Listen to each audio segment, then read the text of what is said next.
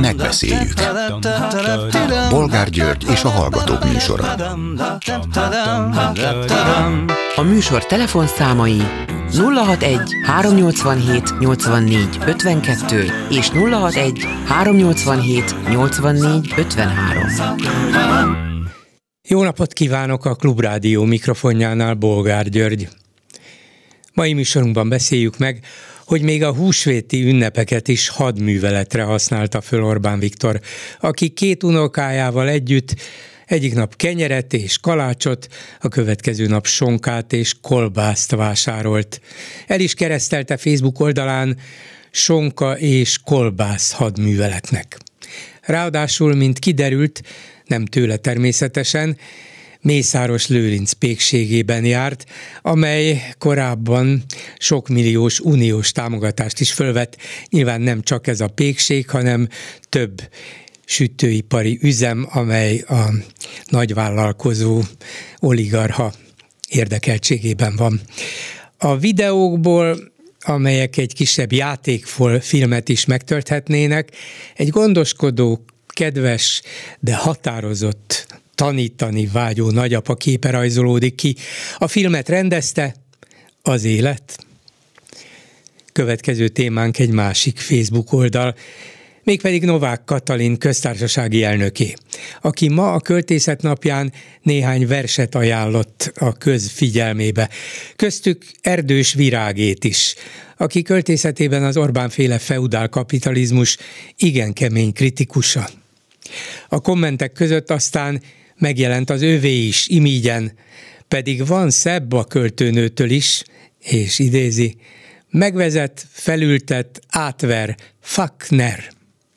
Igaz, az elnök asszony által ajánlott Velszi bárdok, mintha ugyanezt üzenné, igaz, történelmi időkből. Mit szólnak ezen kívül ahhoz, hogy Szijjártó Péter külügyminiszter már megint Moszkvában tárgyalt, és egyelőre megfejthetetlen tartalmú energiaügyi megállapodásokat kötött az oroszokkal, egyrészt a gáz és olajimport fenntartásáról, másrészt a Paksi atomerőmű beruházásának módosításáról.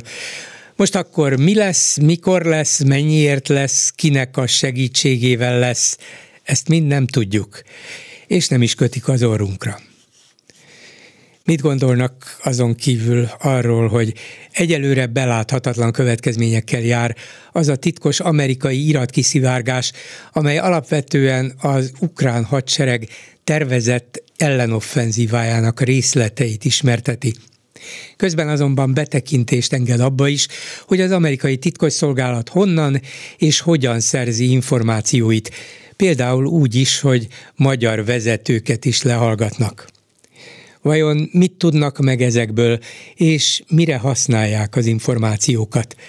Az eddigi itthoni tapasztalatokból ítélve nem érzünk semmi komolyat, lényegeset, vagy lehet, hogy komolyabb dolgokat tudnak, csak nem következik ebből semmi, nem következik belőle semmilyen amerikai válaszlépés. Vajon az oroszoknak milyen előnye származik a titkos anyagok nyilvánosságra kerüléséből? És végül beszéljük meg, hogy Gyöngyösi Márton a Jobbik konzervatívok elnöke, aki évekkel ezelőtt hírhetté vált antiszemita kijelentéseket tett, a napokban részt vett a budapesti amerikai nagykövet széderesti vacsoráján. Ez pedig többek meghökkenését kiváltotta. Joggal? Telefonszámaink még egyszer 387 84 52 és 387 84 53. Annyit még a műsor elején, hogy 119 millió 460 ezer forintnál tartunk, jól alakul, még egy kicsi kell, és talán eljutunk a kívánt célig. Megmaradunk, köszönjük szépen. Egy hallgató a vonalban, jó napot kívánok! Jó napot kívánok, én Langanna vagyok. Parancsoljon, hallgatom. Arról szeretnék szólni, Bolgáról, hogy én is láttam, mert követtem az ünnepeket és az ünnepek híradásait, és láttam Orbán Viktort az unokáival. Nem akarok félreértésre okot adni, de azt akarom mondani, mint nagyapa, mint ember, és mint unokát, mint gyerekeket szerető Orbán Viktor tiszteletre méltó, és én is hiszem, hogy mindent a családjáért de hogy arra nem gondolt, hogy amíg ő a kedves unokáival számolatlanul elhelyezte a ládákban, vagy nem tudom hová a szalámit, vagy a kolbász és a sonkát, tudom, hogy akkor nem arra gondol, de, de éhez a gyerekek sokasága, akiről beszélnek. Lehetett volna úgy is ünnepet előkészíteni Orbán Viktornak, hogy a gyerekeivel, unokáival, de ilyen akciók nélkül, hogy rossz érzés keltsen másokban, például bennem is, hogy azért ezt ne.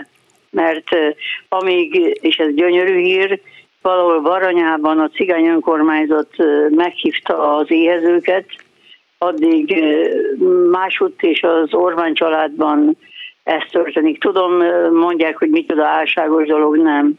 Én nem tartom ezt álságosnak, mert, mert itt rólunk van szó is, a, a, a nemzetünkről van szó, és ők arról beszélnek, és az a politikájuk lényege hirdetik, hogy a családokért és mindenért, és hol vannak azok a gyerekek, akiknek nem jut ilyen hogy az unokák oda mennek és rakosgatják számolatlanul a kolbászokat. Jó, tegyék, tehetik, de volt valami furcsa mellékíze az egésznek, úgyhogy én ezt nem tartottam jónak, és nem tartottam igaznak, és hát az ünnepeknek nem lett tőle jó íze.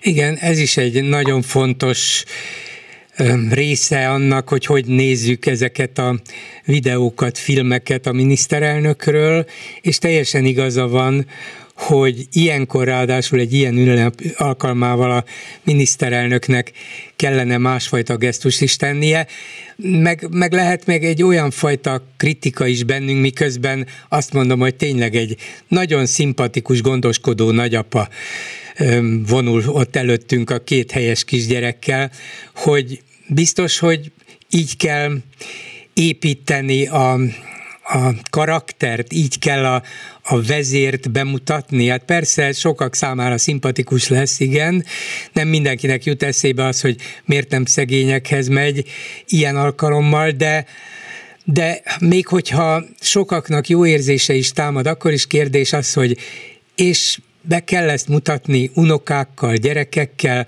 miért nem maradhat meg egy miniszterelnök a mindig a, a család, privát szféra ezeket olyan fontosnak tartják, miért kell kivinni ezt a nyilvánosság elé? Nem irigyeljük tőle természetesen a szép nagy családot, csak ez ez mintha a túlzás kategóriájába tartozna. Nem biztos, hogy ezt, ezt országos nyilvánosság elé kell tárni.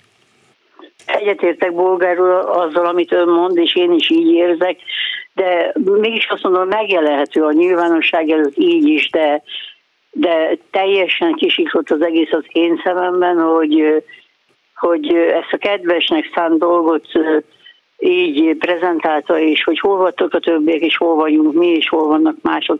Jó, most a másik oldal mondhatja, hogy na hát ez a nő is miket mond, de én ezt komolyan gondolom, és Bolgár úr, amíg Orbán Viktor, amikor beszédet mond, és nem úgy mond beszédet, hogy azt mondja, hogy magyarok, és benne vagyok én is, aki esetleg másképp gondolkozom, és más nyomvonalon élem az életemet, de itthon akarok lenni, addig én nem vagyok itthon. Mert ő megszólít egy réteget az övéit, minden, minden időben, minden féleképpen rendben van. Ezt is elfogadom Na de amikor ő megszólal, akkor, akkor minket képvisel. Én csak egyet mondok, én már ezt már önnel két, harmadszor beszélek, hogy a német televízió adásait szoktam nézni, és ott, hogyha valami nemzeti, vagy társadalmi, vagy gazdasági gond van, akkor rögtön jön a kancellár. Ott a Scholz is, ott van a megfelelő miniszter, és a nemzethez szól. Én itt nem vagyok érintett, és engem nem szólít meg.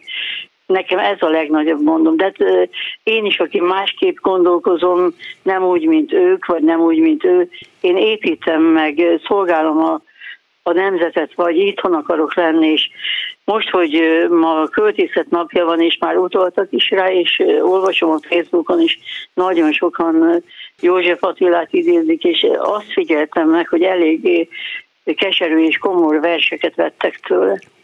Nekem az jutott eszembe, és ezzel köszönöm meg, hogy meghallgatott és beszélgetett velem, hogy nekem a hazámban mindig, és minden időben az jut eszemben is bennem van, hogy mégis magyarnak szám kivetre, lelkem sikoltva megriadt. édes hazám, fogadj szívedbe, hadd legyek hűséges fiad. Egyszerű ember vagyok, de hűséges fia akarok lenni, ez most egy kicsit talán gécses de nem akarom hozzá formálni, de az akarok maradni. Úgyhogy Köszönöm szépen. Egyszerű üzenet ez, amit József Attila olyan szépen megírt. Köszönöm szépen. Viszont hallásra. Viszont hallásra. A telefonnál Magyar György ügyvéd. Jó napot kívánok! Jó napot kívánok! A múlt héten a blogjában ahova rendszeresen ír és kifejti véleményét a közélet különböző eseményeiről, megírt egy olyan fejleményt, ami, ami már itt a műsorban is szóba került, hogy ismét alakult egy, vagy alakul egy párt az ellenzéki oldalon, az MSZP-ből kilépett Mesterházi Attila, hozza létre szocialisták és demokraták néven, és ön meg, hát ha nem is kifejezetten kétségbeesve, de azért hát legalábbis megkérdőjelezve a dolog értelmét, kifejti azt a véleményét, hogy az ellenzék nem tanult az újabb választási vereségből, mert? Mert hát gombamódra szaporodik, és ez az osztódás, ez nem tesz jót, fordított irányt vettek, még mindig az az álláspontom, ami korábban is volt, hogy csak az együttes fellépésnek, a technikai együttműködésnek, a koordinálásnak van értelme itt Magyarországon, azért, mert olyan a választói rendszer, amilyen, és miután a Fidesz voltam szíves 2011 óta olyan választói rendszert kitalálni, ami csak az ő számára alkalmas. Én úgy gondolom, hogy az ellenzéknek és az ellenzék legfőbb szereplőinek, a pártoknak ehhez kellene alkalmazkodniuk, nem pedig az egyéb, lehet egyéni, lehet más érdek alapján gondolkozni. Hát igen, igen, de... Ezért írtam le, amit leírtam, hogy ez nem jó irány, meggyőződésem szerint még mindig az együttműködés, a kooperációnak a jó formája, akár választási pártformáció lenne alkalmas, mindenki megőrizhetné a kis saját gondolatait és érdekvilágát és értékrendjét, de ezt választói értelemben csak egységben és csak egy formációban van értelme felmutatni. Hát igen, ezt így gondoljuk racionálisan, és így észszerű a Fidesz ilyen feltételeket teremtett. Ugyanakkor az emberek mégiscsak emberek, a politikusok is csak emberek, azt láttuk az elmúlt hónapokban, hogy az egyik politikus úgy gondolja, hogy az ő pártjában már nem tud igazán hatásosan működni, átlép egy másikba, mert azt gondolja, hogy ott jobban kifejtheti az áldásos tevékenységét, és akkor összeveszik nyilván az előző párttal, és a másik viszont a másikból lép az egyikbe, vagyis itt olyan személyes érdekek és személyes szimpátiák, antipátiák vannak, amelyek szinte lehetetlenné teszik, hogy ez az ön által is kívánatosnak tartott egység vagy szövetség létrejöjjön akár tanultak az elmúlt 12 évből, akár nem, illetve hát egyelőre úgy látszik, hogy nagyon nem tanultak. De ez hát, természetes. Egyetértünk, és a blogon is ezt fejtegettem, hogy és mindannyian csak vagyunk, erre fel kell tudnunk hívni a figyelmet állandóan. Mert ön megint helyesen értékelte, meg kell, hogy előzze a közértek az egyéni érdeket, és ha már valaki politikusnak adta magát, nem az a feltétele, hogy az ő egyéni jósága és az ő egyéni kvalitásai domináljanak. Az lenne a fontos, hogy az ellenzék megtegye azt, amit tőle a haza megkövetel, és amit a szimpatizánsok megkövetelnek, mutasson víziót, mutasson alternatívát, mutasson egységes fellépést, és senkit, megmondom őszintén, privátim senkit nem érdekel, hogy ki sértődött meg, ki az, aki hagyja a pártját, ki az, aki úgy gondolja, hogy új alapokra kell helyeznie. Ezekre a megítélésem szerint a köznek nincs igénye.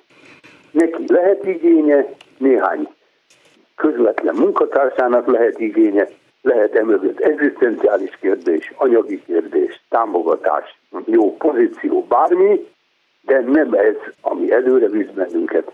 Az ellenzéknek egy fontos feladata van. Ezt a jelenlegi számunkra nem elfogadható rendszert előtt megváltoztatni. De az ön véleménye szerint, aki mégiscsak közelről ismeri ezeket az ellenzéki politikusokat, akik most is itt vannak körülöttünk, vagy a körünkben. Mi az akadálya annak, hogy tanuljanak az elmúlt 12 év különböző kudarcaiból? Az, hogy az ember már csak ilyen, és nem tudja csak a legkivételesebb helyzetekben alárendelni a saját érdekeit a közvélt érdekeinek, vagy van valami más oka is, hogy akár így, akár úgy nem fog ez sehogy sem menni, hát akkor legalább éljük túl azt a ki tudja mennyi évet, ami következik. Hát akinek van még sok éve, várakozhat, és van erre módja és lehetősége, adja Isten, hogy sikerre vezessen. De akinek már nincs sok ideje, de segíteni szeretne, vagy gondolkozik a jövőn is. Én például nagyon meg vagyok elégedve, megmondom őszintén eszmei értelemben, a Momentum új gondolkodás formációjával, akik szerveznek konferenciákat, meghívnak civileket, meghívnak szakértőket, nem egyébeket, a jövőt építik. És én azt gondolom, hogy ebben van a dolog lényege, és mindenkinek meg kell találni a helyét, mert mindenkire szükség van. Nem vagyunk olyan sokan ezen az oldalon, hogy elherdáljuk az erőinket. Mesterházi Attilára is önmagában szükség van. És mindannyiunkra szükség van, akik ezt a közös célt akarjuk elérni.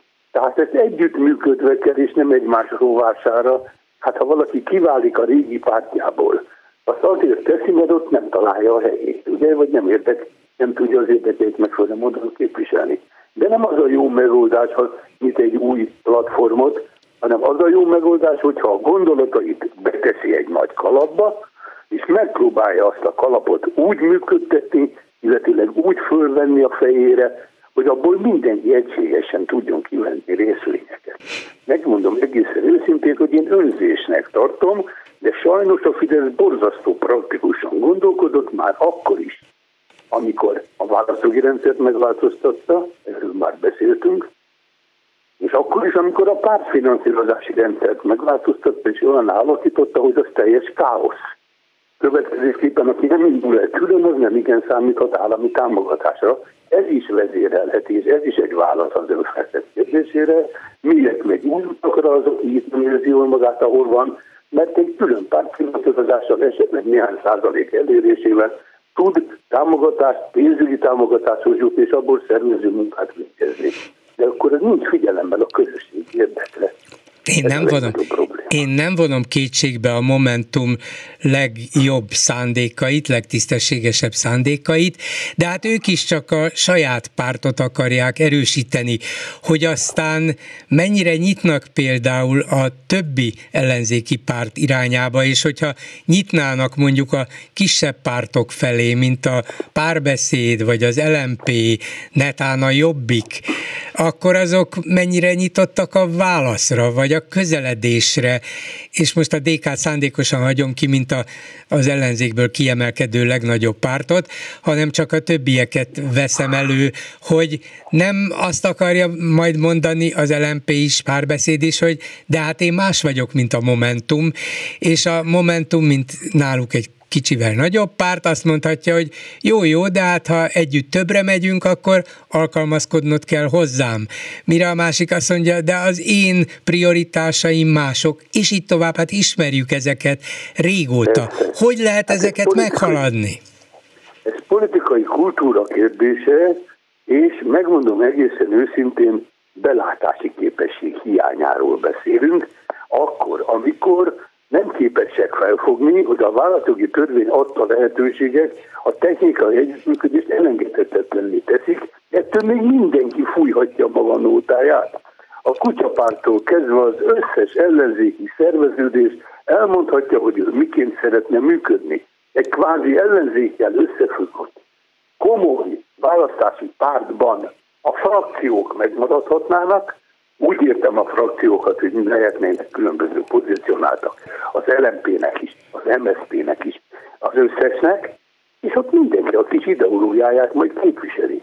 De a közös fellépés, ezt nem kell, hogy agyonverje, pont fordítva működik, közösen kell fellépni, és oda bent mindenki vigye a saját ideológiáját, és hozza a szimpatizásait. Hát mindenkire szükség van. Hát tessék visszaemlékezni, Bolgár úr kérem, arra az időpillanatra, amikor elszörnyedtek az eredeti baloldali gondolkodók, hogy hogy lehet a jobbikkal együttműködni. Emlékszik erre az időszakra, ugye? Hát most újból fölerősödtek azzal, hogy Gyöngyösi Márton elnök az amerikai nagykövet széderesti vacsoráján vett részt.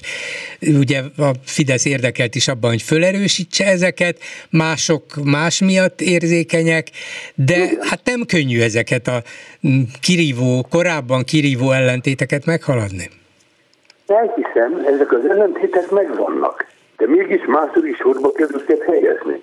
Első sorba kell helyezni a közös fellépést, mert ha nem egyenlőt indul, semmi esélyük nincs. Kíváncsi vagyok most májusban lesz törökországi választás. Ott megint véletlenül hat ellenzéki párt állt össze. Megállapodtak egymással, és lehet, hogy tudnak egy olyan masszát, hogy egy, egy teljesen autokratikus berendezkedést meg tudnak esetleg dönteni a közös összeműködésüken. Ők sem egy követ fújnak. Őnek is sem egy az ideológiájuk, és más országokban is így működik ez. Meg kell tanulni politikai, kulturális értelemben azt, hogy vannak egyéni érdekeink, vannak ideológiáink, vannak választóink és vannak elképzeléseink, és mi pártok vagyunk, mondják ezt a pártok, ezt én nem mondom, de ők mondják, az eredetileg a latin szó is részt jelent, tehát egy részt tud az egészből kihasítani. Ezeket a részeket kell mozaikszerűen összerakni, és ez a puzzle tud csak közösen fellépni. A részek azok egymáshoz kell, hogy alkalmazkodjanak, nem dominálhatnak. Egyik sem a másik rovására, egyik sem a másik javára. Ezt kell feltérképezniük, a hálózatot építsék, mindenkinek legyenek helyben szervezetei, a civilekkel vegyék fel a szakemberekkel a kapcsolatot, mert nincs elég háttér, és így lehet egy víziót, egy alternatívát felmutatni. Erre mondtam jó példának a Momentumot, hogy ők bekapcsolják a szakértőket, az értelmiségeket, a konferenciákat. Nem arra mondtam, hogy az ő ideológiájuk fog érvényesülni, hanem arra mondtam, hogy jó a módszer. Ez a jövőben mutató, és ezt kellene a többi egyesületnek is átvennie, szerveződéseknek is, mert az ellenzéki pártok is, és a civilek is rettenetesen fragmentáltak. Uh-huh. Ez a széttörezettség pedig semmi máshova nem vezet, mint a Fidesz többszöri, többszöri És el tudja képzelni azt a helyzetet, hogy Gyurcsány Ferenc és Zai Péter megint fölveszi a telefont, vagy leül egy asztal mellé, és azt mondja, hogy mi vagyunk a legtávolabb egymástól, megvan ennek az oka, de úgy gondolom, hogy bármi egy nagy ellenzéki párt vagyunk, ti meg még nem is igazán léteztek, de azért nem egymás ellen, hanem egymás mellett kellene küzdenünk. El tudja képzelni ezt a helyzetet? Különféle módszerek vannak. Erre mondtam azt, hogy be kell látni. Nyilvánvalóan, amikor azt mondjuk, hogy 6, 7, 8, és ha így folytatjuk, hát akár egy tucatnyi ellenzéki csoportosulás együttműködése rettenetes nehéz, mert az első kérdés az lesz, hogy ki domináljon, ki legyen a vezető, ki osztja a pénzt, ki osztja a stazsit, ki osztja a lehetőségeket. Itt kell belátni azt, hogy az érvek közös, és második körben jönnek majd az osztogatni valók. De nem tartunk itt. Hát egyáltalán ez a magyar ellenzék jelen helyzetében még azokat a választóit is elveszítette, akik még az előválasztás időszakában egységben voltak. Hát ennek oka van. Az oka az, hogy nem képesek az együttműködésre. Az együttműködés hiánya miatt voltam szíves én is fölemelni a hangomat és megírni a blogbejegyzést, és ő is megteszi minden nap a műsorában, hogy megkísérli megtalálni a jó megoldást. A jó megoldás a pártokban van, mert ők a főszereplők, mi vagyunk a mellékszereplők, ők adják elő az előadást, de tetszett tudni, nincs előadás, jó előadás, nincsen dramaturgok, rendezők, temikusok, Hát meg közönség nélkül nincs jó előadás. Közönség. Úgyhogy miránk is szükség van. Ezt tanulni kell, kérem, de ez a tanulási folyamat már túl elhúzódik. Ha, ha valaki nem látja le, hogy most neki itt nem osztottak lapot, vagy nem azt a lapot kapta, amit várt, akkor abban lehet, hogy ne, nem kötelező. Köszönöm szépen Magyar György ügyvédnek. Viszont hallásra! Tisztelettel minden jót kívánok! Háló, jó napot kívánok! Jó napot kívánok, tiszteltem, Major István vagyok. Hát én az igazság, hogy az Orbán Viktor miniszterelnöknek a, a húsvéti bevásárlásához szeretnék hozzászólni. Én nekem annyi a véleményem erről az egész, hogy visszatértünk úgy a, úgy a 70-es évekbe, vagy a 80-as, talán már 80-asokban nem is, de inkább akkor a 70-es előtti években, minden tekintetben, mert, mert ez egy ilyen, én úgy gondolom, hogy az ilyen dolgoknak a bemutatása, ez egy személyi kultusznak az építéséről szól. Tehát nekem is, arról, nekem ő... is van egy ilyen benyomásom, hogy meg kell építeni a tökéletes képet. Most éppen a tökéletes családfő nagyapa szerepét játszotta. Így van, de, de nézzük már vissza egy kicsit a múltba, talán, talán azt hiszem, hogy hogy én ö, azt látom, hogy még a Kádár rendszer sem volt ennyire elvetemült, mint ez a rendszer. Tehát ö, volt ellenségkép. Tehát én, én éltem abban a rendszerben, én 66-ban születtem, én, én éltem abban a rendszerben, és, és azért nem hallottam lépten azt, hogy Amerika így az ellenségünk, a, a nyugat így az ellenségünk, Persze, azt hallottam, hogy a nyugat haldoklik, a kapitalizmus haldoklik, de, de senki nem vette komolyan. Tehát ezt, ezt abszolút senki nem vette komolyan, én véleményem szerint. Ezt csak úgy mondták. Igen. De nem volt ez, ez ennyire belerágva az emberek fejébe, hogy ez az ellenség, az az ellenség. Mert azért bizony láttuk azt, mikor a Balatonra jöttek az amerikaiak, jöttek a Balatonra a nyugatnémetek, ki volt nyalva mindenkinek a feneket. Ők bemehettek a dollárboltba, ahol mi be nem tehettük a lábunkat, ha nem volt valutánk. Tehát eh, azért, azért mi láttuk az igazságot, meg mindenki látta az igazságot, de az, ami itt megy, ez a személykultuszépítés és az ellenségkét meg a sonka hadművelet, hát ez már eh, számomra teljesen a nevetség tárgyát képezi. Hát ez egy vicc.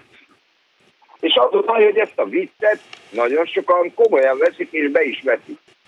Hát és én igen. attól félek, hogy attól félek, hogy azok a fiatalok, akik, akik nem éltek abban a rendszerben, nem látták, hogy az mi volt, nem tudnak párhuzamot vonni a kettő között, azok még esetleg el is ilyetik, hogy ez, ez milyen jó és Milyen, és milyen helyes, rendes ember, ugye, hogy szereti az unokákat, és hogy terelgeti őket, hogy oktatja, hogy vonja be őket a közös családi feladatokba. Igen, ez nagyon, nagyon ki van találva. Lehet, hogy Orbán Viktorból belülről, az ő személyiségéből, a mindennapi gyakorlatából következik, bár a napi 24 órás munkája miatt nehezen képzelhető el, hogy ez gyakran előfordul, de tegyük föl, hogy minden így van. De akkor is, ha ezt így országosan, illetve a világ elé tárják, akkor ebben nagyon tudatosan a személyi kultusz építése zajlik, ez biztos. Megmondom őszintén, hogy én sokkal jobban örültem volna, ha ilyen szíjátékről van, van szó, amit ő folytat. Nagyon, én jobban örültem volna egy olyan olyan filmecskének, amikor elmegy egy borsodi faluba, és mondjuk ott sonkát osztogat a, a, az éhező romáknak, mind ahogy megtette a roma önkormányzat, vagy, vagy, vagy mondjuk Pesten egy, egy hajléktalan szálló előtt, mondjuk a, a, a nincs teleneknek ad kalácsot, meg sonkát.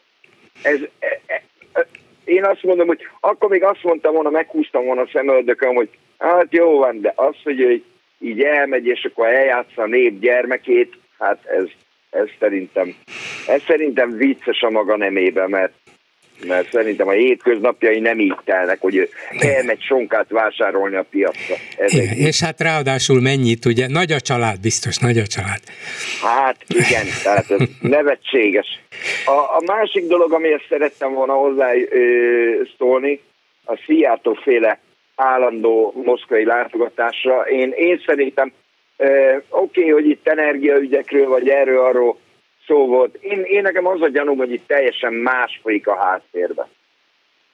Tehát itt nem az, amit ők elmondanak, meg amit, amit ö, kommunikálnak a nép felé, hanem, hanem én, én úgy érzem, hogy, hogy ilyen, ilyen személyes beszámolók ö, ö, folynak. Ugye, ugye pontosan most bizonyosodott be arról, amit mindannyian tudtunk. Itt mindenki kémkedik mindenki ellen. nem kell itt nagyon meglepődni egyáltalán. Itt mindenkiről tudnak olyan dolgokat, amik kompromitálók lehetnek. Amerika is kémkedik, Németország is, Magyarország is kémkedik, mindenki kémkedik. Ezt, ezt tudni kell az embereknek. Mindenki tudni szeretné, hogy mit csinál a másik, még a szomszéduk is szeretnék tudni azt, hogy a szomszédjukban mi folyik, nagyon sok esetben. De, de ugye mivel, mivel minden csatorna kideríthető és felderíthető, a személyes megbeszélés az, ahol meg lehet ö, információkat lehet cserélni, annélkül, hogy mondjuk a világnak a tudtára jusson. Nekem van egy ilyen érzésem. Így van. Köszönöm szépen. Tehát, Igen. Na jó. Viszont Köszönöm, viszont hallásra. a véleményem. Minden jót. Háló, jó napot kívánok! Üdvözletem, Borgáló, Rászonvet vagyok. Parancsol. Hallgattam az előző betelefonálókat, most a Sonka útját egy kicsit ö, tekintsük. Ö, elintézendőnek van egy sonka, az miből áll disznóból? Nem tudom, hogy szabad-e ezt mondani, de nem szabad ezt mondani. A véleményem megvan a miniszterel, úról folyik a, elle, a kormánypárt szájából a fricska, tehát már megvan a sonka útja. A másik, a ügyvéd úr mondta, de hallgattam a műsorban, hogy a Momentumra kell is szavazni, meg mindenre kell Nem, szavazni. azt nem mondta, csak hogy tetszik neki, hogy hogy próbál a civilek felé nyitni. Igen. Választáskor az MMM volt, amit ha jól emlékszem, az ügyvéd úr elkezdett. Hát benne volt, igen, ennek a létrehozásában. Tehát, egy kicsit érdekes számomra az ügyvéd úrnak a nyilatkozata, hogy akkor ez, most ez, tehát olyan cihetetlen, hogy számomra Magyar György egy nagyon elismert ügyvéd, sőt, a baloldal legelismertebb arca, akit így valakihez is adnék, vagy valamire is vennék, és mégis azt mondja, egyik szavával ütöttem most ebben a nyilatkozatban lényegében a másikat. Uh-huh. Hát nézze, én, én úgy értelmeztem, meg ő is ezt magyarázta a második kérdésemre, hogy hát igen, a Momentum is párt, és nem is részesíti őt előnyben a többiekhez képest, csak mintha olyan módszereket kellene alkalmazni, amelyeket szerint az egész ellenzéknek kéne, és így jutnának egymáshoz közelebb. No de, Bolgár úr, én, mint uh, szavazó, tehát most ne vegyük figyelembe azt, hogy én aktívan figyelem a politikát, vagy valami. Én egy, hát hogy mondjam, egy semmiféle nyolc általános gyári munkát szavazó vagyok, akit kitermelt a Fidesz, és akkor én ezzel jövök szembe, hogy hát de ez is jó, meg az is jó, meg az is jó. Ez nagyon rossz taktika. Uh-huh. Tetszik érteni, amit ezzel é, próbálok érte, Azt hiszem értem, de akkor mit kellene helyette csinálni? Ha ez is jó, az is jó, amaz is jó, akkor semmelyik se jó, akkor nem tudom, hogy mit csináljak. Mit kellene helyette az ellenzékieknek ajánlaniuk? Nem, én pont ezt mondom, hogy most az ügyvédó szájából ez mm. furcsa ja, igen, volt hallani. Igen. Ja, értem, értem. Mm. Hogy pont az ügyvédó szájából volt ez furcsa hallani, pedig eddig az ügyvéd úr megmondta a frankó. Igen. Hogy ez most olyan fura volt, és Semmiféle alternatíva nem volt benne, vagy ez, vagy az, vagy amaz. Ilyen nincs a politikában, sajnos látjuk, hogy mi lett ennek a végeredménye. A nagy kétharmad. Hát láttuk, csak azt mondja, hogy bármennyire is így volt ez, egyszerűen a jelenlegi rendszer nem kínál más lehetőséget, mint az ellenzéki pártok lehetőleg szoros együttműködését. Ehhez kéne megteremteni a feltételeket. Bolgár úr, ön szokott beszélgetni Kunce Gáborral, szoktam hallgatni. Igen. Nem gondolkozott még Kunce Gábor azon, hogy valamilyen eszközökkel az SZDSZ újraindítja? Szerintem nem gondolkozott rajta. De Pedig lehet. Akkor még egy, még egy ellenzéki párt. Szerintem Ak- akkor lenne még, még egy. egy. Olyan pártot kéne Igen. alakítani, amelyik be tudja vonni az összeset. Azt mondja, hogy én gyűjtőpárt vagyok, mindegyiket szeretném magamba foglalni, és valamilyen módon mindegyik megbízhat bennem, én is megbízom bennük, úgy, hogy a közönség, a szavazó is lássa ezt a mi nyílt együttműködési készségünket, de ha jön egy nyolcadik, kilencedik ellenzéki párt, nem, ráadásul nem, egy régi, annak, semmi értelme. annak nincs értelme. Semmi értelme. Ezt ugye tapasztaljuk és látjuk. Így van. Tehát ezt a jelenlegi MSZP-s kilépést is aj, hagyjuk, hagyjuk. Igen, igen. Miniszterelnök jelölt volt. Így van. Hát jó, köszönöm szépen, hogy hívott, viszont hallásra. Köszönöm szépen, Bolgár úr, viszont hallásra. A vonalban Helyszler András, a Mazsihisz elnöke, jó napot kívánok! Jó napot kívánok, Bolgár úr! Egy furcsa eset történt a múlt héten. David Pressman amerikai nagykövet meghívására ön is részt vett a nagykövet által adott széderesti vacsorán, és önnel szemben ott ül Gyöngyösi Márton, a Jobbik konzervatívok elnöke és európai parlamenti képviselője, ami önmagában nem volna baj, csak az a baj, hogy Gyöngyösi Márton volt az, akinek a nevéhez több hát nagyon erőteljes antiszemita kijelentés, megnyilvánulás kötődik, olyan 8-10 évvel ezelőttről, lehet, hogy talán még olyan régen nem is volt, hanem minden esetre jó néhány évvel ezelőttről. És igaz, hogy Gyöngyösi meg a Jobbik azt mondja, hogy ezek hibás, állásfoglalások vagy kijelentések voltak, és sajnálják is, de úgy látszik nem elég határozottan mondják, mert ön is azt mondta utólag, hogy Gyöngyösi személye az önök számára nem kívánatos, és mások is sokan kifogásolják, hogy ide jutottak, hogy egy széderesti vacsorán részt vehetett egy közismert, legalábbis mondjuk így korábbi antiszemita. Szóval értem az ellenérzését, értem a fenntartásait, de nem lehet, hogy valaki megváltozott? Sok minden lehet, ugye volt erre már példa, meg van is példa, különösen a politikába, de ha, ha elindulunk kronológiailag, hogy, hogy végül is mi történt, ugye a Mazsisz elnöke kapott egy meghívást David Pressman-től, az Egyesült Államok nagykövetétől. Ez önmagában egy megtiszteltetés, én úgy gondolom, úgyhogy izgalommal és örömmel mentem el erre a széderestére. Vendéglistát nem kér az ember, nem szokás kérni, lehet, hogy nem is lehet, ezt nem tudom, de hát én azért elég sok nagyköveti vacsorán, vagy akár pillás reggelin vettem részt, soha nem kérdezte meg az ember, hogy kit hív még meg, ez, ez mindig a meghívónak a kompetenciája. Ott aztán persze konstatáltam, hogy ott van Gyöngyösi Márton, és akkor, akkor volt, volt egy, egy, egy döntési pont, hogy fölállok és elmegyek, de, de én úgy gondolom, hogy, hogy, hogy, hogy nem kellene botrányt, vagy úgy gondoltam, hogy nem kellene botrányt csinálnom. Ugye a, a nagykövetet rúgdassák elegen ebben az országban, nem kellene még nekem is hozzájárulnom. Én ott maradtam csendben és szédereztem. Volt más motiváció is, hiszen amit mondott, hogy van-e változás az emberekben. Ha ha a Gyöngyösi Márton ezt a széderestét kihasználta volna arra, hogy feláll egy picit, lehajtja a fejét, és bocsánatot kér a magyarországi zsidóságtól az elmúlt nem tudom én hány évért, akkor, akkor az egésznek egészen más, más más, más lett volna a végeredménye, a hangulata, a kicsengése. Igen. Tehát az egésznek a végeredményben uh-huh. egészen más lett volna. Úgyhogy én ott csendben szédereztem, az ülésrend úgy volt, és ez is fontos, majd elmondom, hogy miért, hogy középen az asztalfőnél ült a nagykövet, aki levezette az egész szédert, tőle bal kézre ült a a Gyöngyösi Márton, én, én pedig a jobb oldalán ültem, és az egész széder este folyamán emlékeim szerint egy szó párbeszéd nem hangzott el Gyöngyösi Márton és én közöttem. Nem is nagyon lehetett, hiszen akkor a nagykövet feje fölött kellett volna hátordibálnunk a másik oldalra.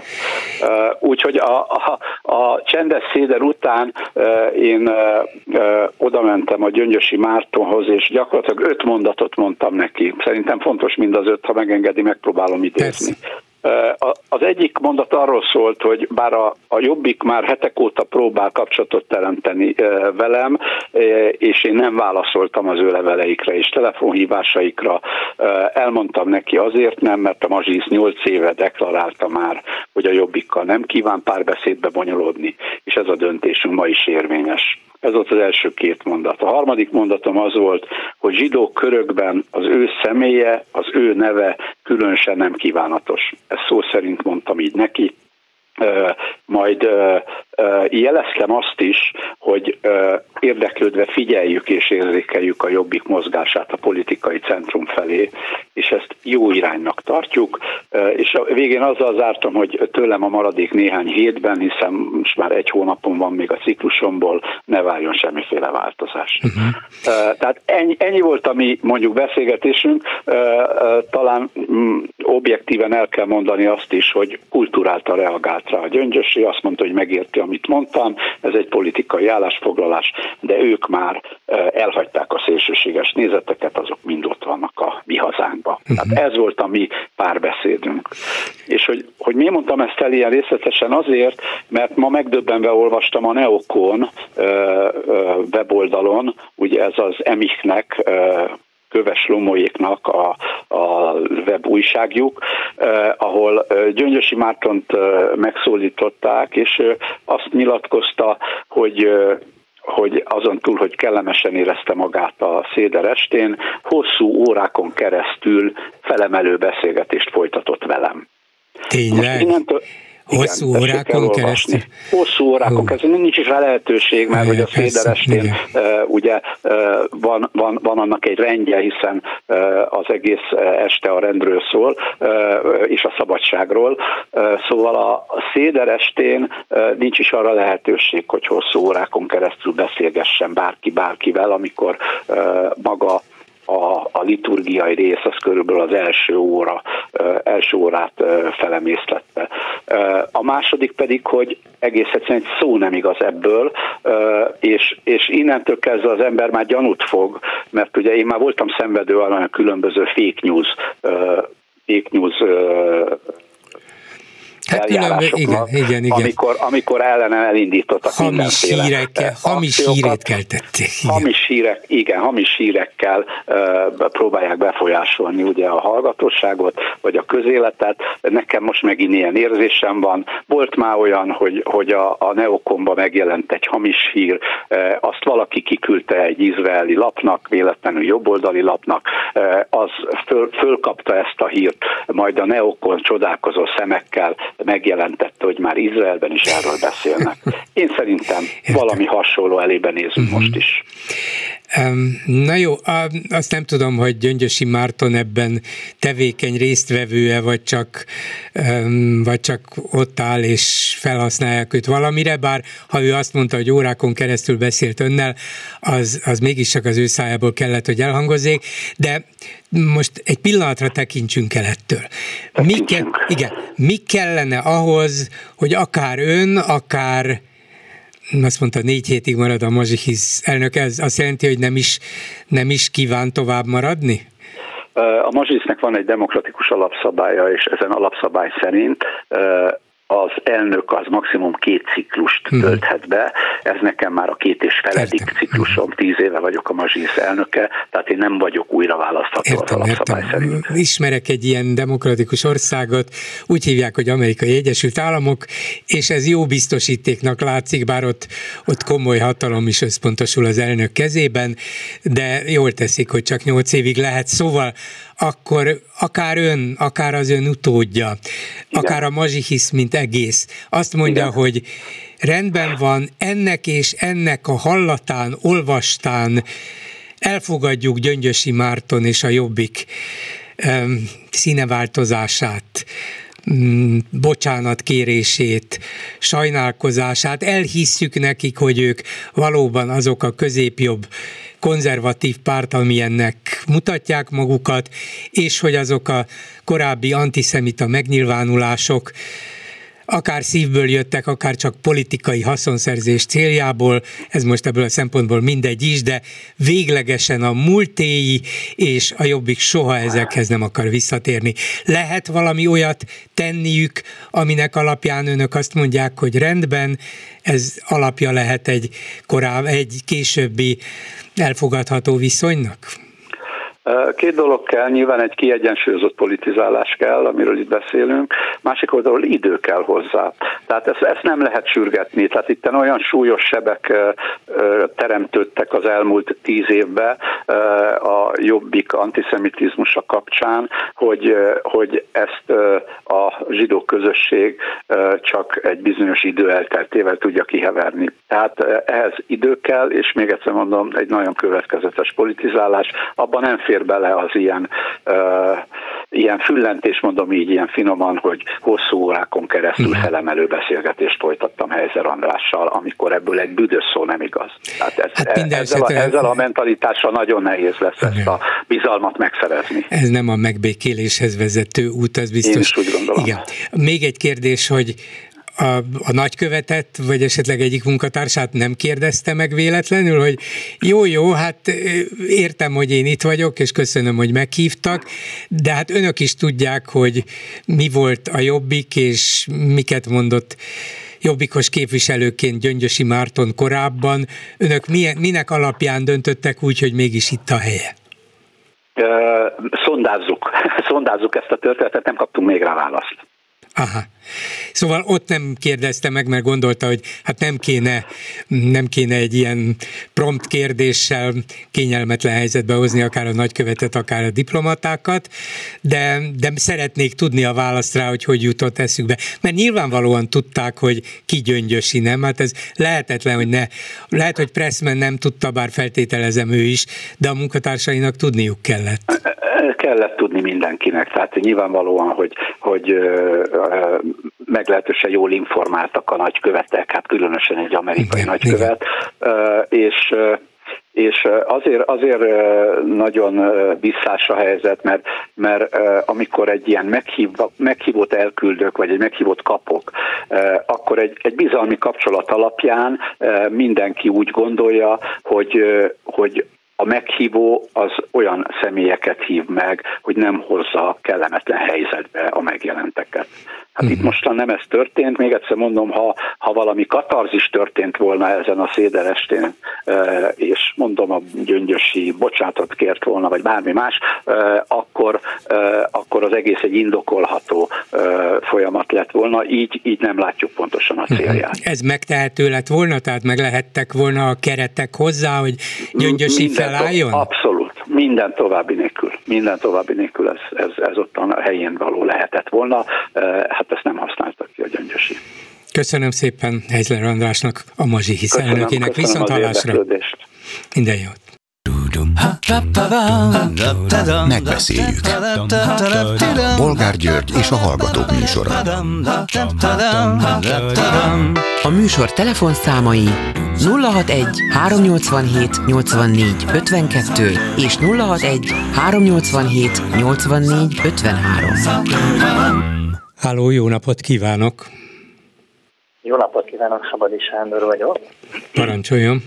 A következő témával szeretnék egy, egy új beszélgetést nyitni, vagy, vagy javasolni, hogyha lehet. Miután ez a gyurcsányozzunk és beszéljük át, hogy ez hogy volt, mint volt a pozitív, negatív oldal, szerintem egyébként ez jól sikerült, csak valami összegzést kéne belőle levonni, és akkor az ember onnétól kezdene aztán egy új platformot. Szóval most ehelyett a gyurcsányozás téma helyett az együttműködés, meg a különbségek, amit a bolgár úr is nagyon gyakran beszélgetésekben azt gondolom néha már úgy idéz, vagy többen is úgy idézünk, mondhatom akkor így, hogy hát ezek megvannak. De hogyha megnéznénk konkrétan, hogy mire gondolunk, akkor nem nagyon tudnánk olyan különbségeket felsorolni, ami a pártok között lényeg, tehát lényeges, vagy, vagy valamilyen szempontból fontos lenne. Én azt javaslom, hogy a betelefonálókkal együtt vegyük ezeket sorra, és nézzük meg, hogy konkrétan az egészségügyek kapcsolatban mi a túró az az óriási nagy különbség a most meglévő pártok, vagy, vagy akármilyen. Igen, e, ez nem rossz ötlet, valóban. Hú, csak az, az a rossz, hogy közben elment a hangja.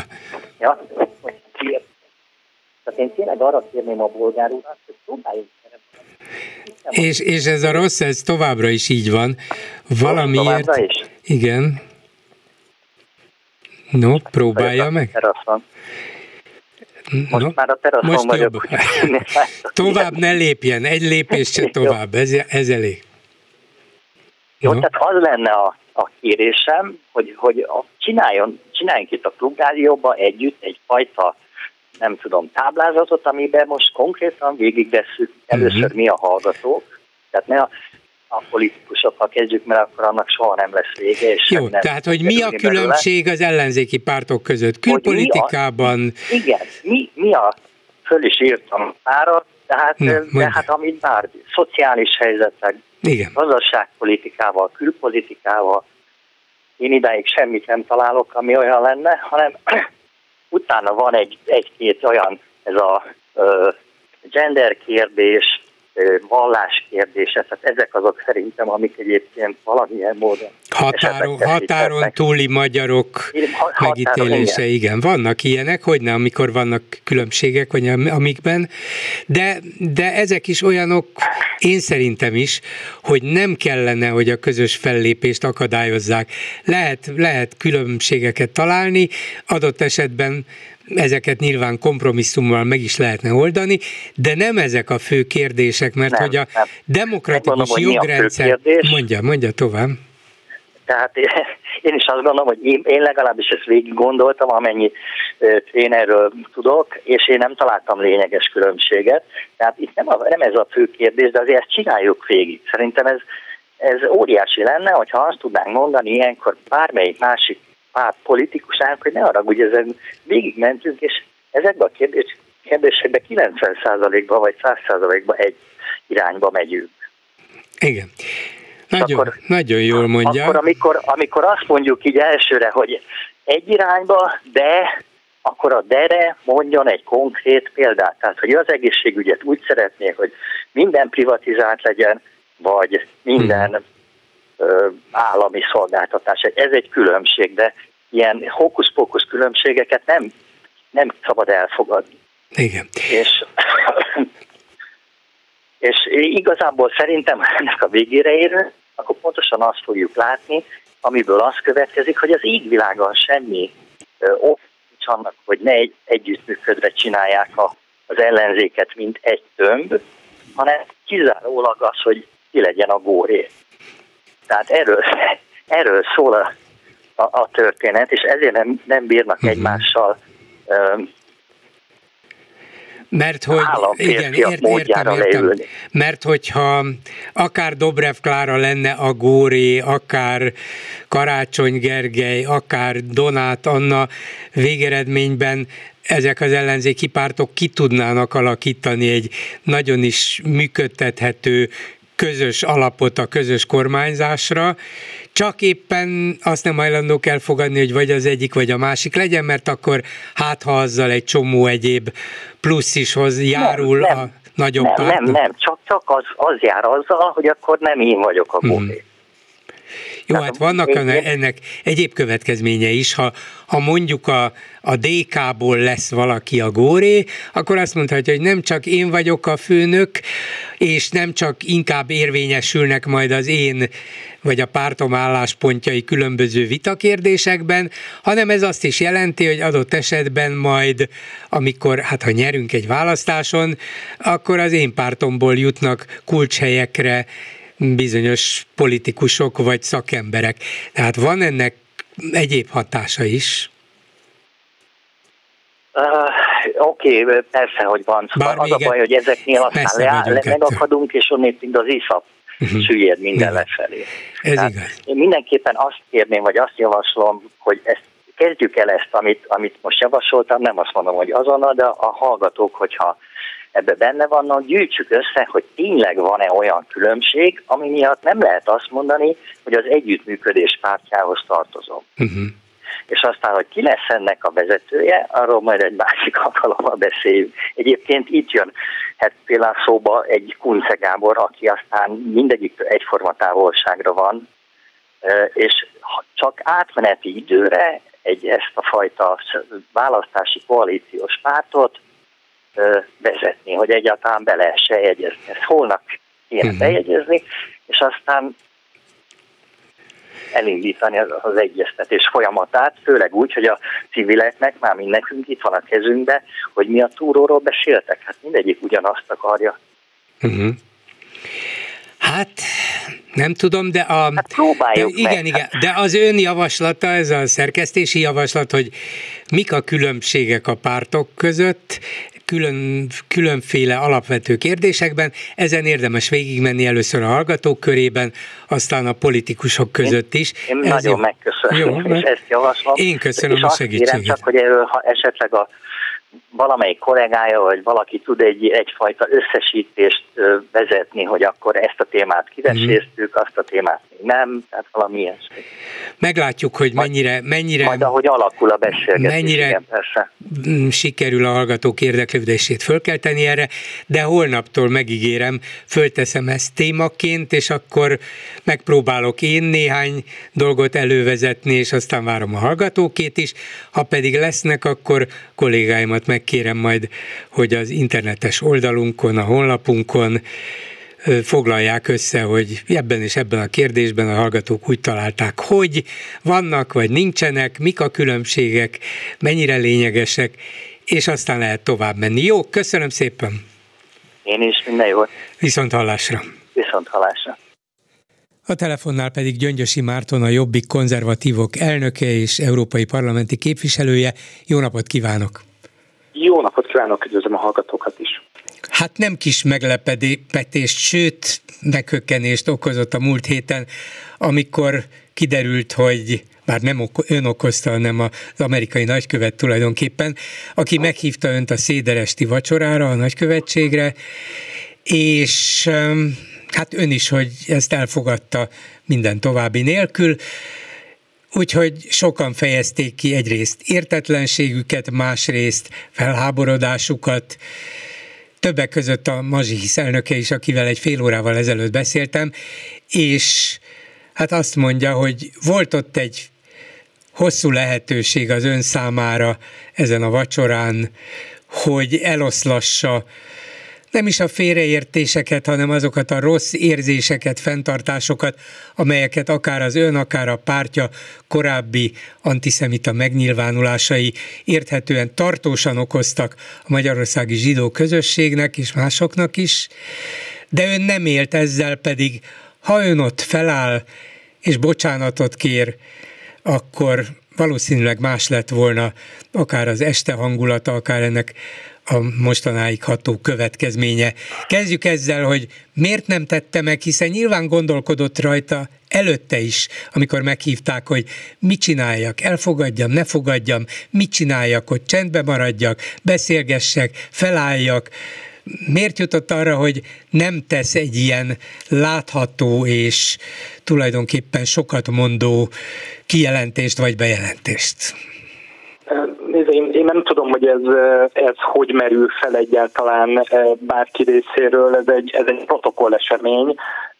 Kaptam egy meghívást az amerikai nagykövet úrtól, és én ezt gondolkodás nélkül elfogadtam.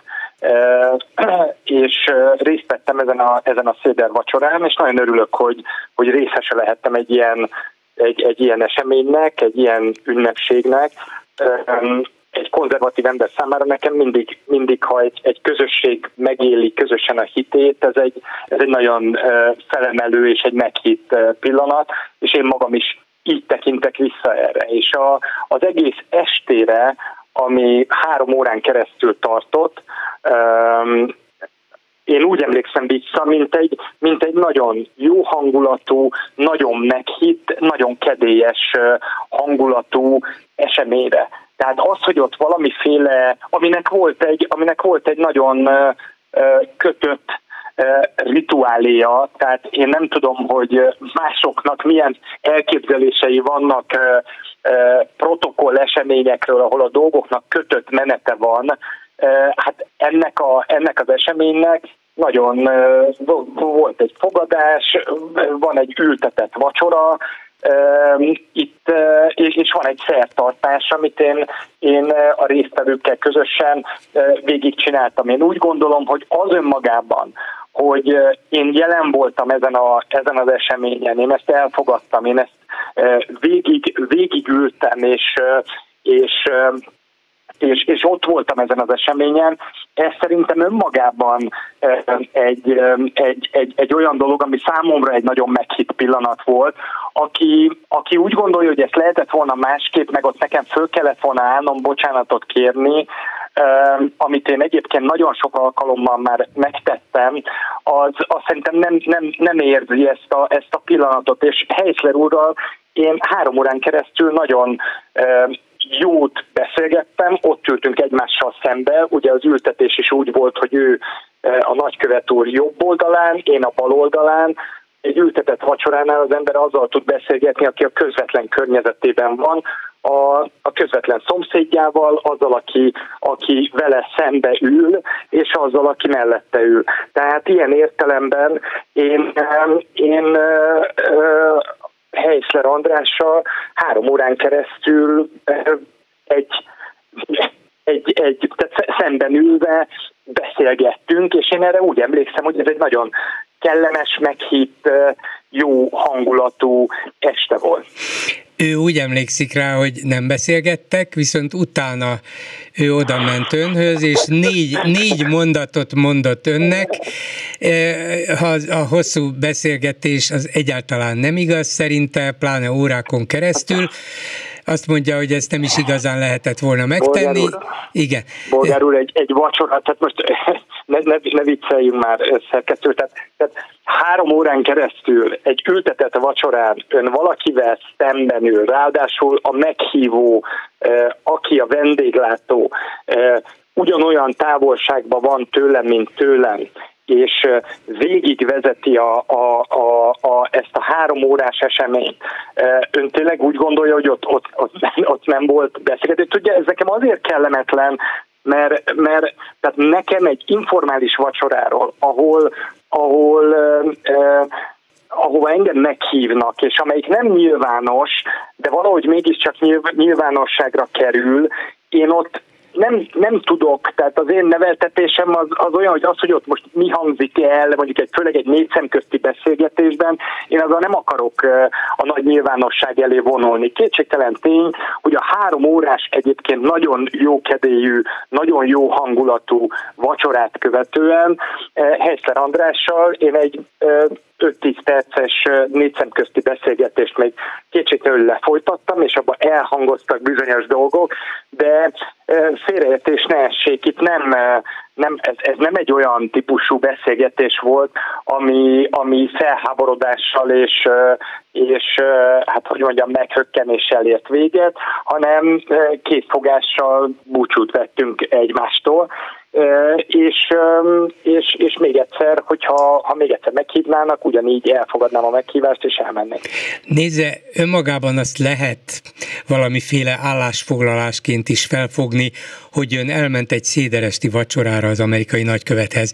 Ezt nyilvánvalóan 8-10 évvel ezelőtt a Jobbik vezetője, vagy ön, mint képviselője nem fogadta volna el, politikailag nem is engedhették volna meg maguknak, hogy mit gondoltak volna róla, azt nem tudom. Ma pedig, ha van még a Jobbiknak rasszista, antiszemita szavazója, lehet, hogy már nincsen, akkor azok nem biztos, hogy örülnek annak, hogy na, hát odáig jutottunk, hogy az elnökünk elmegy egy széderesti vacsorára, hát azért hol élünk, szóval értem én, hogy van ennek önmagában is jelentése.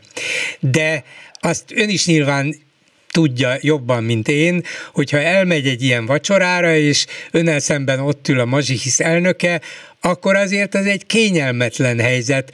Nem csak azért, mert eddig sem volt igazán kapcsolatuk, másrészt azért, mert rögtön eszébe jut egy zsidó vezetőnek, hogy na ez az a gyöngyösi, aki ezt meg azt mondta, tehát mégiscsak valahogy, ha valóban beszéltek akár órákon át, akár csak percekig, akkor szóba kellett, hogy kerüljön, hogy Gyöngyösi úr, hogy kerül ide, vagy most mit gondol arról, amilyen ön volt 8-10 évvel ezelőtt?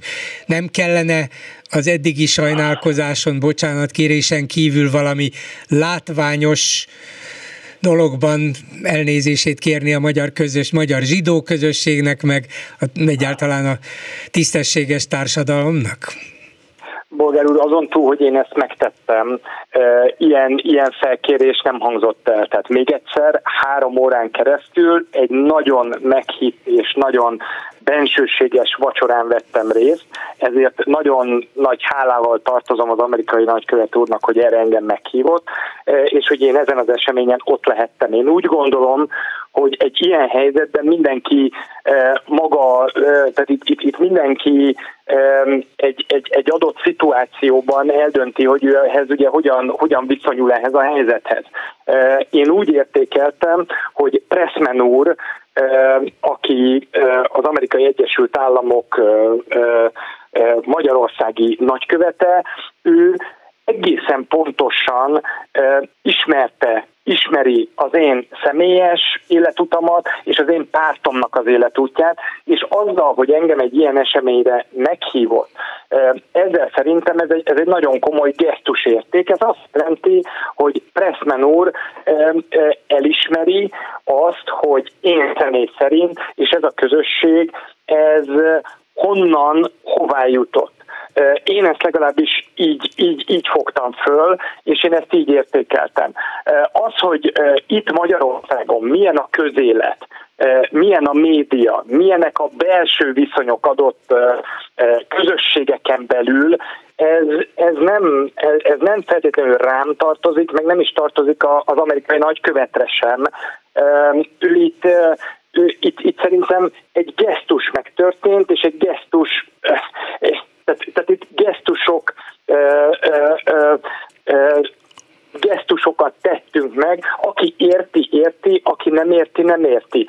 Én tudom, hogy engem beraktak egy kategóriába, egy rublikába hosszú-hosszú évekkel ezelőtt, Na de és most nem, én nem úgy teljesen, hogy nem teljesen a, a média nélkül. egyes képviselőinek, egyes ö, ö, vezetőknek, meg egyes embereknek rohadtul fáj az, hogy az ő narratívájuk most így összeomlik Gyöngyösi Mártonnal, vagy a jobbik konzervatívokkal kapcsolatosan, eh, mert hát milyen dolog az, hogy az, akiről én eh, tíz éve azt mondom, hogy antiszemita, az arról, arról kiderül esetleg, hogy mégsem az.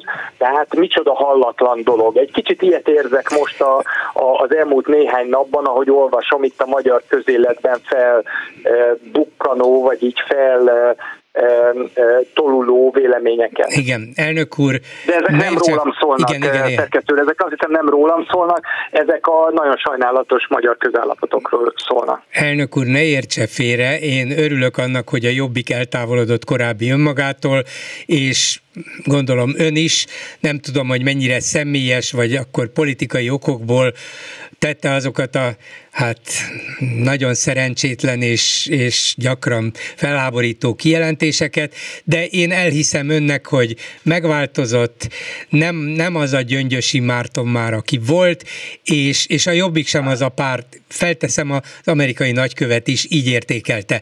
De most, hogy látja, hogy a zsidó vezetőket nem olyan könnyű erről meggyőzni, és azért ebből kialakult egy, hát egy kis botrányos hangulat, vagy felháborodás is, nem gondolja, hogy legalább most ezt az alkalmat kihasználva és a félreértéseket megint elkerülendő, esetleg valahol valamilyen formában még egyszer leszögezze, hogy nem mi azzal a múlttal abszolút szakítottunk, nem értünk vele együtt, támogatjuk a, a zsidóság magyarországi működését, életét, szabad életét, szabad vallási működését, mindent, a kultúrát, és a Jobbik olyan konzervatív párt kíván lenni, amelyikben a zsidóság teljes mértékben belefér, a zsidóság Magyarország egyik alkotóeleme, ezt nem szabad elfelejteni, szóval ha valami ilyet mondana, nem mondom, hogy többen hinnének önnek, mint korábban, de legalább lezárhatná ezt a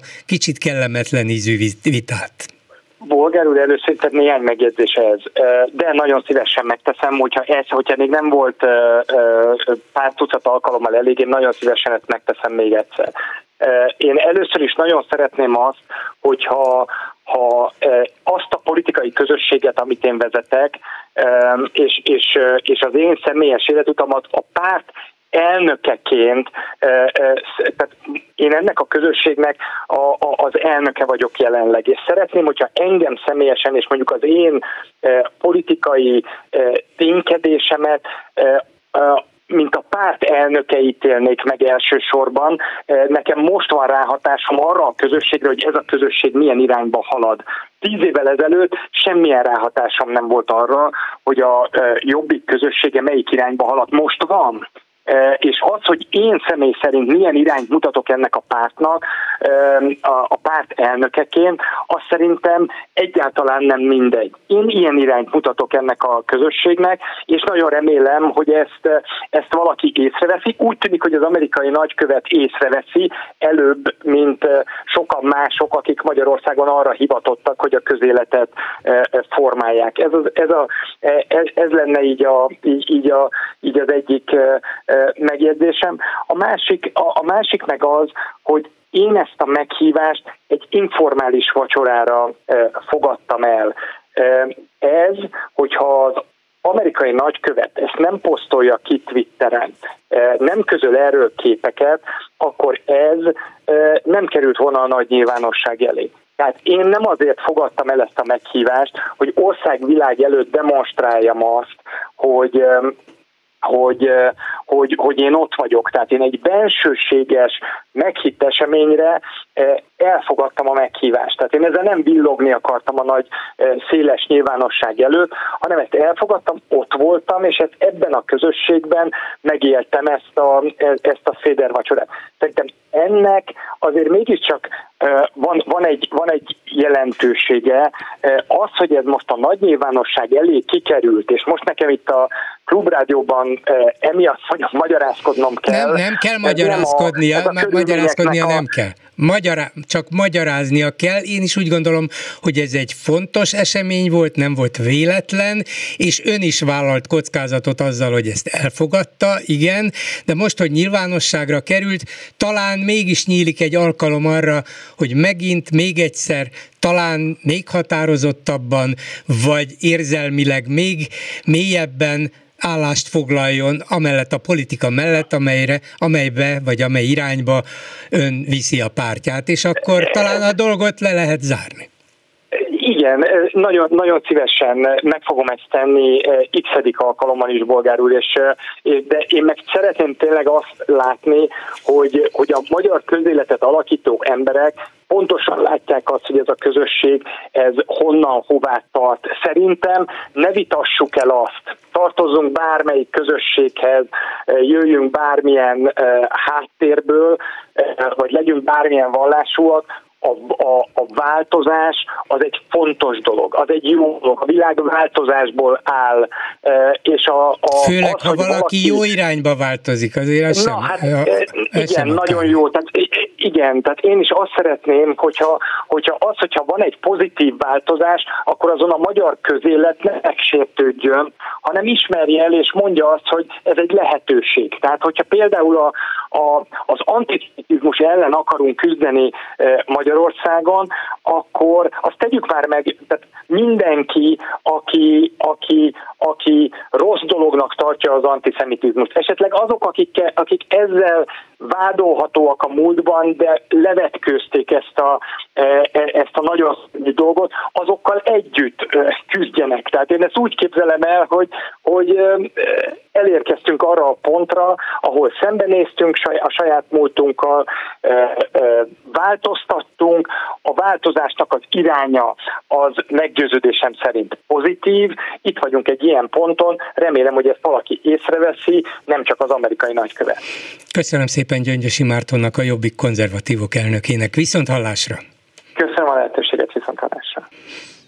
És akkor a nagy politika után a kis hát nem politika ez, hanem Stokriárd van itt a Klubrádió ZRT vezérigazgatója, szervusz. Szervusz. A kis életben maradásunkról van szó, ugye, és, és egy hallgató majd még a túlélési gyakorlatról is pár szót azért, de egy hallgató a múlt héten felvetette, hogy hogy is volt ez a legutóbbi um, bírósági tárgyalásunk, amely keresetünket ugye a bíróság elutasította, pontosan mit akartunk elérni, és milyen indokokkal utasították vissza a mi keresetünket. Mi volt ez, és miért volt ez egyáltalán, miért megyünk bírósághoz, hogyha láthatóan nehéz dolgunk van? Hát, igyekszem amennyire lehet röviden összefoglalni a lényeget. Folyamatosan kapunk egyébként hallgatóktól megkeresést írásba is, tehát e-mailen és minden egyéb formában, hogy küzdünk-e mi egyáltalán azért, hogy legyen újra frekvenciánk? Teszünk-e bármit azért, hogy, hogy legyen újra frekvenciánk, vagy egyszer most már belenyugodtunk abba, hogy mi mindörökké online fogunk sugározni? Hát természetesen mindent megteszünk azért, hogy amennyiben erre lehetőség nyílik, mi újra és újra pályázzunk frekvenciáért, tehát nem adtuk fel ezt a, azt a, a reményt, hogy egyszer majd visszatérünk, és fogunk tudni sugározni analóg földfelszíni frekvencián is.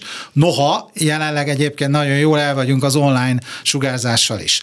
Úgy gondoljuk, hogy ez egy kötelességünk, mindent megtenni annak érdekében, hogy elérjük azokat a hallgatókat is, akik számára az online rádiózás az nagyon nehézkes, vagy nem megoldható, de azt is látni kell, és ezt teljesen nyíltan kimondom, hogy ameddig a jelenlegi média tanács fog Magyarországon regnálni, tehát kizárólag a Fidesz által delegált jelöltek döntenek arról, hogy kinek lesz frekvencia, kinek nem, addig a klubrádió nem fog frekvenciát kapni, nem fog nyerni semmiféle pályázaton, hiszen az elmúlt bő két és fél éves időszakban három esély is nyílt arra, hogy a média tanács egyébként biztosítson analóg földfelszíni frekvenciát a klubrádiónak, egyik esetben sem tette meg, ráadásul nem is törvényes eszközökkel negligált bennünket. Hát igen, mondjuk mi, de a bíróság meg elutasít a bírós, minket. A bíróság ugyan következetesen más mond, de azért arra hat hívjam fel a figyelmet, és utána majd a mostani ügyre is rátérünk, hogy a legelső alkalommal a frekvencia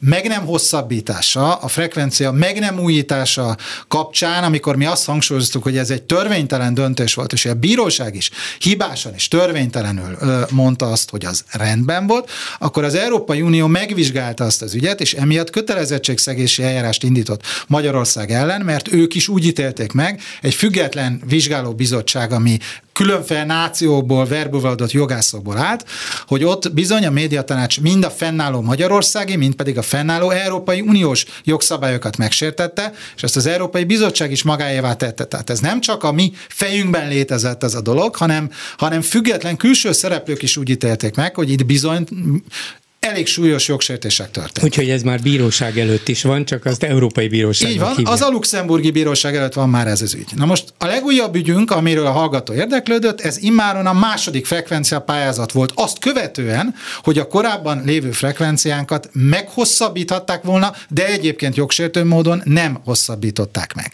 Ez egy olyan frekvencia pályázat volt, ahol a korábbiaktól eltérően a klubrádió pályázatát nem zárták ki, nem mondták azt, hogy érvénytelen a mi pályázatunk, hanem azt mondták, hogy alakilag is és tartalmilag is minden rendben volt vele, csak éppen kevésbé értékes, mint egy másik versenytársnak a pályázata. Még pedig szubjektív alapokon. A szubjektív, az jobban tetszik. Szubjektíve kevésbé jó Igen, a klubrádiónak a pályázata. Ráadásul ezt egy nagyon furcsa módon nem egy ö, szubjektív értékelési szempont, hanem egy nagyon is objektív értékelési szempont alapján minősítették szubjektíve rosszabbnak, mondván, hogy mi a műsor tervünkben kevesebb új műsort sugárzását ígértük, és azt mondtuk, hogy többet fogunk ismételni, mint a versenytársunk. A döntéssel az a probléma, hogy a klubrádió egyébként közismerten a legtöbb új műsort sugározza a legkevesebb ismétléssel, így annál a versenytársunknál is több új műsort sugárzunk, aki egyébként elnyerte ezt a pályázatot, egyszerűen azért, mert a médiatanács figyelmen kívül hagyta a tényeket. A bíróság és azért döntött úgy, hogy a médiatanácsnak volt ebben a helyzetben igaza, mert a bíróság is figyelmen kívül hagyta a tényeket, tehát nem törődött azzal, hogy Tehát nem a tényeket vizsgálta? A bíróság vizsgálta a tényeket, és figyelmen kívül hagyta őket.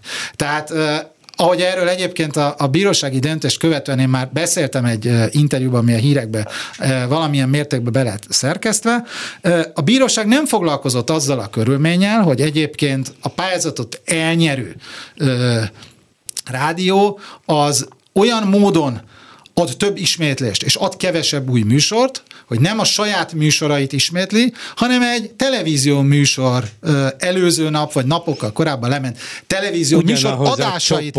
Igen, ugyan, ugyanannak a, a gyülekezetnek a, a, a másik, ez a gyülekezet másik média vállalatának a műsorait ismétli, amit viszont a médiatanács új műsornak tekint, és a bíróság is azt mondta, hogy teljesen rendben való.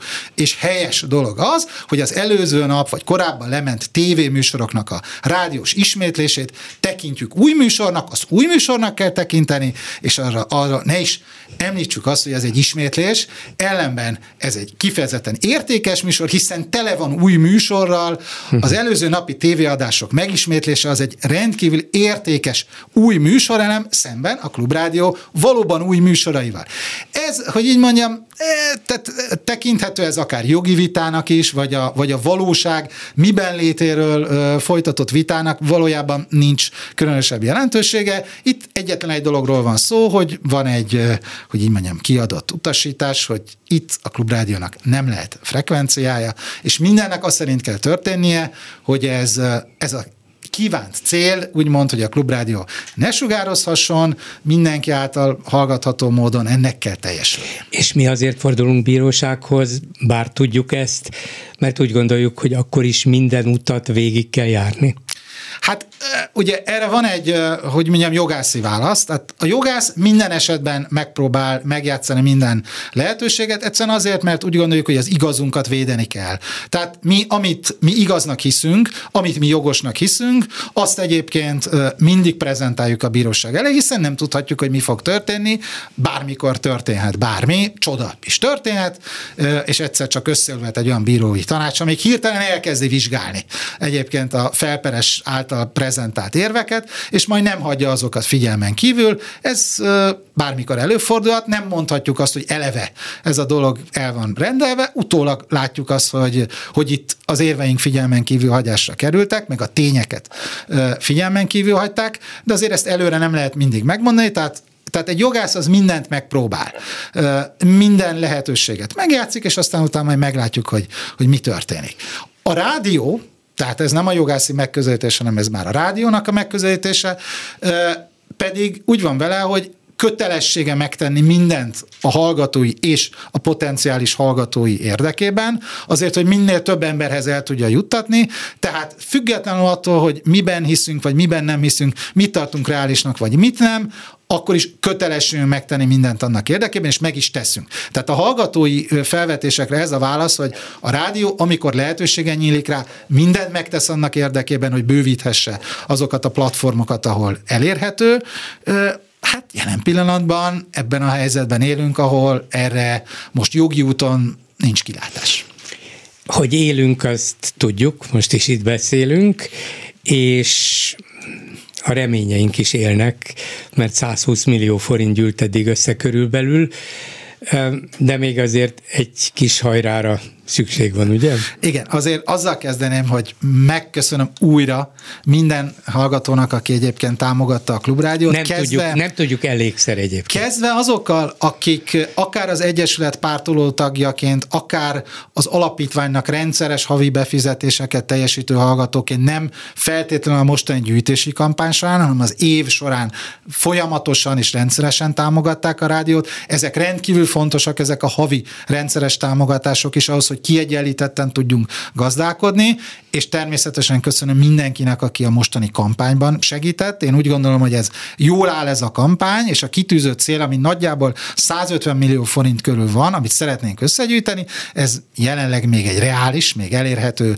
cél, nem vagyunk nagyon messze, tehát a rádió mindenféleképpen folytatni fogja a működését a következő fél évben is. Nyilván az infláció a mi helyzetünket sem könnyíti meg, hiszen a költségeink nőnek, de én úgy gondolom, hogy ez egy nagyon jól áll ez a gyűjtés nagyon sokat tettek a hallgatók már eddig is azért, hogy ez a rádió tovább tudjon szólni. Tehát azon kívül, hogy megköszönöm mindenkinek, aki eddig támogatta a hallgatókat, én azokat a hallgatókat, akik még eddig nem támogatták, de gondolkodnak rajta, hogy támogassák, őket kérem arra, hogy tegyék ezt meg, hiszen a rádió nekik is mindenféleképpen egy értékes szolgáltatást fog nyújtani a következő fél évben is.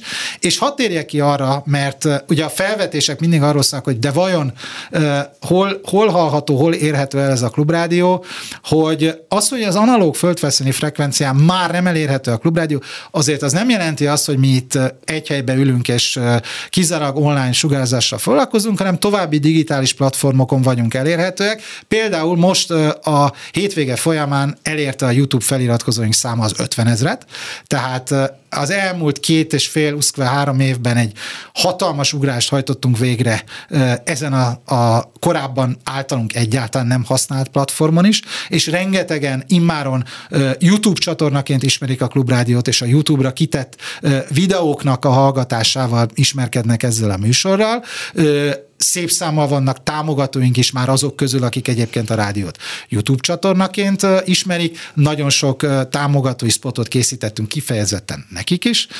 Ezen felül ugye a rádió a nagy podcast felületeken is elérhető, és a különféle műsorok, a rádió számos műsora meghallgatható a Spotify-on, az iTunes-on, Google Podcaston, mint, mint önálló podcast adás, és nem egy olyan emberrel találkoztunk, aki a rádiót már innen ismeri, a rádió műsorait már innen ismeri, tehát, tehát mi minden lehetőséget megragadunk arra, hogy terjeszkedjünk, és a lehető legtöbb hallgatót érjük el, és ezen belül a lehető legtöbb támogatót próbáljuk meg a már meglévő támogatóhoz csatlakoztatni, tehát tovább bővítsük ezt a közösséget, ami a, a Klubrádiónak az igen odaadó és hűséges támogató közössége.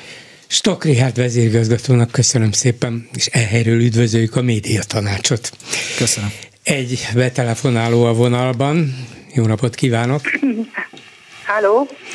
Tessék parancsolni, ön van a vonalban. Halló, egy kicsit én rosszul hallom, de hallom, és azt hiszem, hogy csak az a lényeg, amit én akarok elmondani. Összesen egy perces penziás Ágnes vagyok. Régebben nagyon sokat telefonáltam be önökhöz, most hosszú időt van, nagyon beteg, nem tudom, hogy mennyi időm van hátra.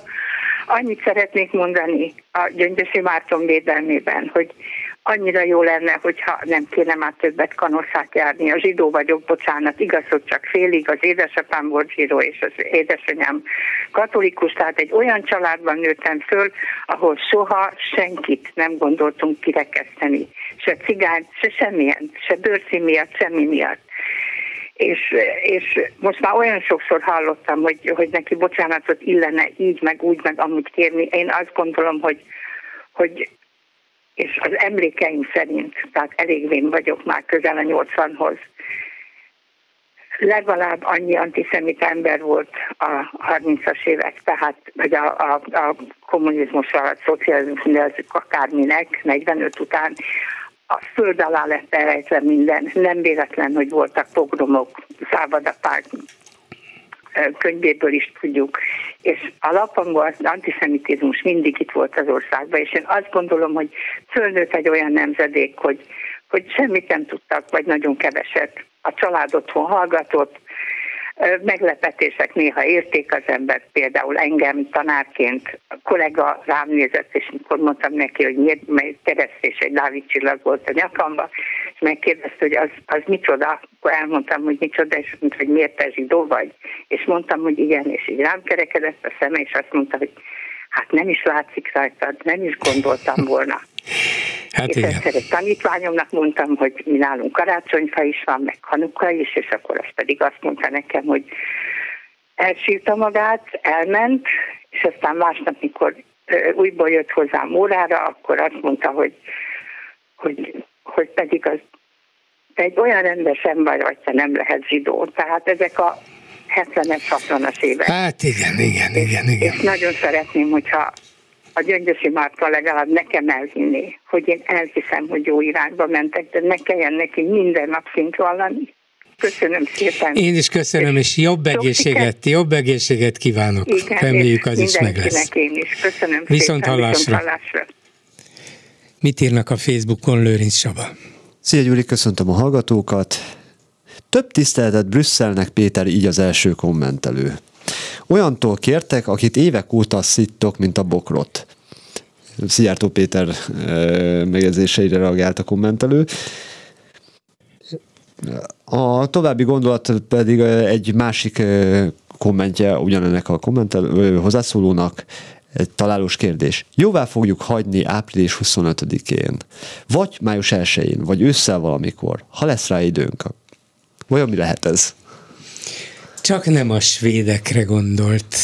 Szinte biztos. Ebben a telefonálóval témájával kapcsolatban is érkezett egy komment. Mondjuk én Heizler Andrásnak jobban hiszek, írja, Gyöngyösi ócska zsidózására mindenki emlékszik, aki egy kicsit is követi az eseményeket kis hazánkban. Most meg képes szinte letagadni az egészet. Bocsánatot kérni? Nem hangzott el felkérés? Hát csak nem Heizlernek kéne kérést intézni az urasághoz. Valóban kért már bocsánatot többször is a nyilvánosság előtt, hogy ez most az a helyzet volt-e, lehet, hogy jobban járt volna, ha úgy értékeli, hogy igen, de abban is van igazság, hogy már maga a meghívása, és az, hogy ő ezt elfogadta, és ott ült egy széderesti vacsorán, ez olyan, ami elképzelhetetlen lett volna tíz évvel ezelőtt egy jobbik vezető esetében. Ez is önmagában egyfajta, hát bocsánat kérés, az talán túlzás, de, de mondjuk a helyes irányba tett lépés, úgyhogy én is hajlandó vagyok elfogadni azt, hogy az emberek változhatnak, és a jobb irányba is bármennyire elítélendő volt korábban több megszólalása.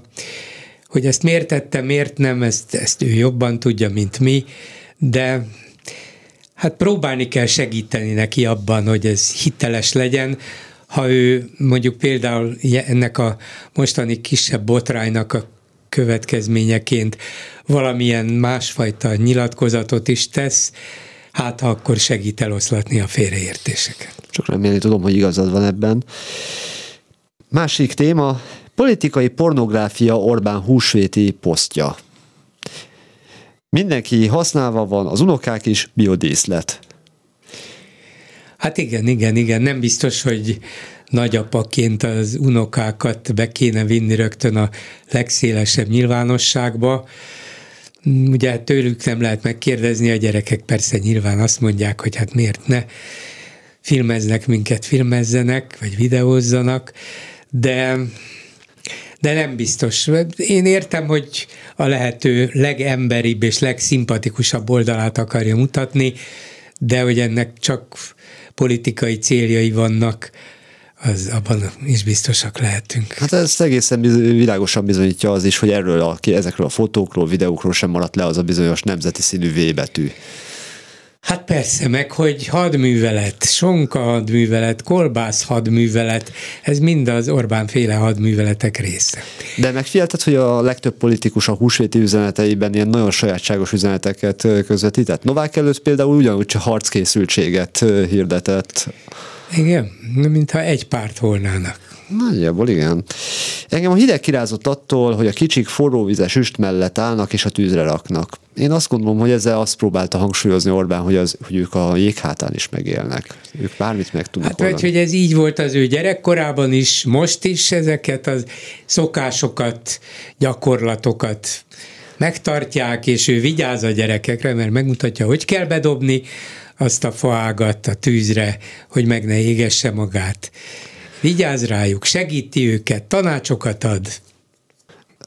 Hát... Ilyen egy igazi nagyapa.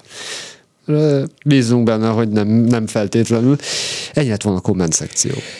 Köszönöm szépen, 119 millió 594 ezer forint a legutóbbi adat, és egy betelefonáló a vonalban. Jó napot kívánok! Jó napot kívánok! Én a Heinzler Andrással való interjú után nem igazán hallgattam, úgyhogy amit most mondok, lehet, hogy ezt már valaki felvetette. Biztos, hogy Gyöngyösi Márton tényleg azt mondta, hogy egy óráig kellemesen beszélgetett Heiszle Andrással.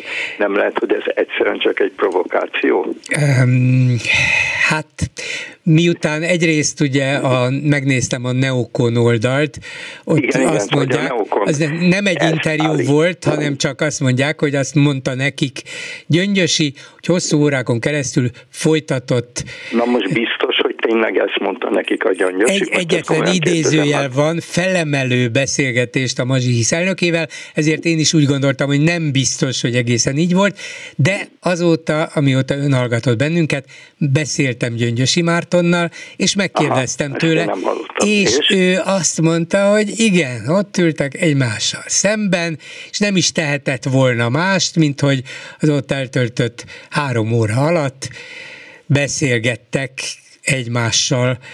Úgyhogy Hát most akkor két állítás áll egymással szemben, Heizler Andrásé, aki szerint nem, és Gyöngyösi Márton szerint... Ezt én nem hallottam, mondom, Igen. mert utána más dolgom volt, de én Heizler Andrásnak hiszek, ez az igazság mindenképpen. Jó. Tehát okay. ugye nem, tényleg nem voltunk ott, nem tudjuk eldönteni, hát, de... Azért, igen. hogy mondjam, Na jó. Ma, mondjuk, mondjuk kicsit... Még nem, igen. Oké, okay, szóval én is Annásnak hiszek, persze lehet, hogy tévedek, de ezt valószínűbbnek tartom. Értem, értem.